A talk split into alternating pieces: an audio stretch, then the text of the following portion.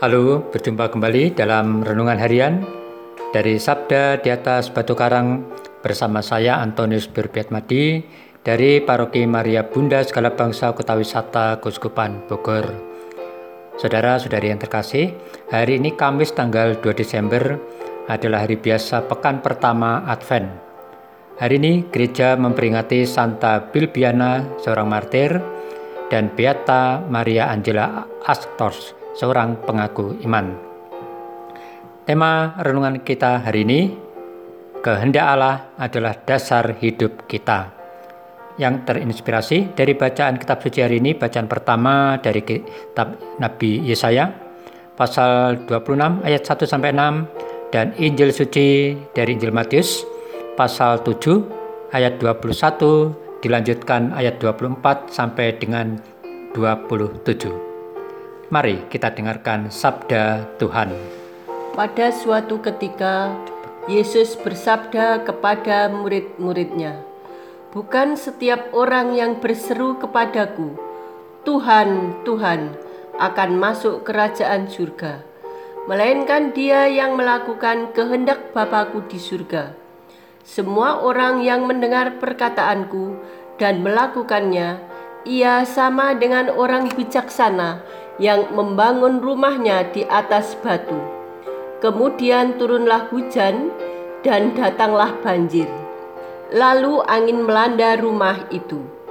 Tetapi rumah itu tidak roboh sebab dibangun di atas batu. Tetapi setiap orang yang mendengar perkataanku dan tidak melakukannya, ia sama dengan orang bodoh yang membangun rumahnya di atas pasir. Kemudian turunlah hujan dan datanglah banjir, lalu angin melanda rumah itu. Maka robohlah rumah itu dan hebatlah kerusakannya. Demikianlah Injil Tuhan. Terpujilah Kristus. Saudara-saudari yang terkasih, setiap kita pasti tahu dan yakin bahwa agar bangunan rumah kita kokoh, maka rumah itu haruslah dibangun di atas dasar batu yang kuat. Kalau kita bikin bangunan rumah menurut kehendak diri sendiri, apalagi dibangun dengan tidak mengikuti kaidah-kaidah teknik bangunan, ya pastilah bangunan itu akan cepat rusak atau roboh terkena banjir, terkena angin.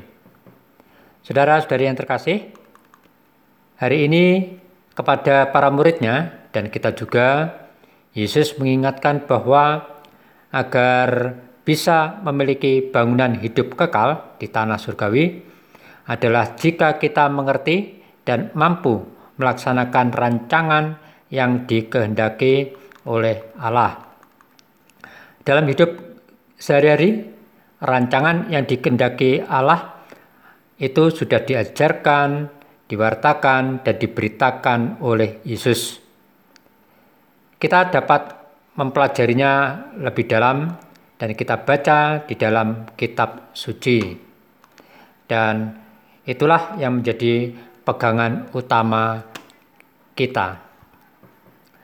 Saudara-saudari yang terkasih, jika anak kita mau melakukan apa yang kita kehendaki, tentu saja kita senang, bukan? Karena anak kita mampu melakukan apa yang kita kehendaki.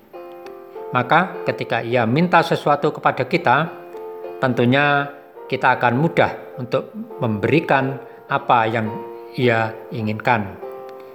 Demikian halnya dalam hidup beriman kita jika kita mampu melaksanakan kehendak Allah dengan nyata, maka Allah pasti akan mengenal pribadi kita dan kita akan mudah memperoleh dari Allah apa yang kita inginkan.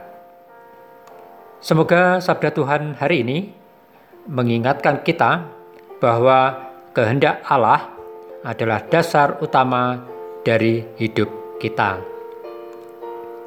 Ya Yesus, Semoga aku mampu mengerti dan melaksanakan kehendak Allah Bapa.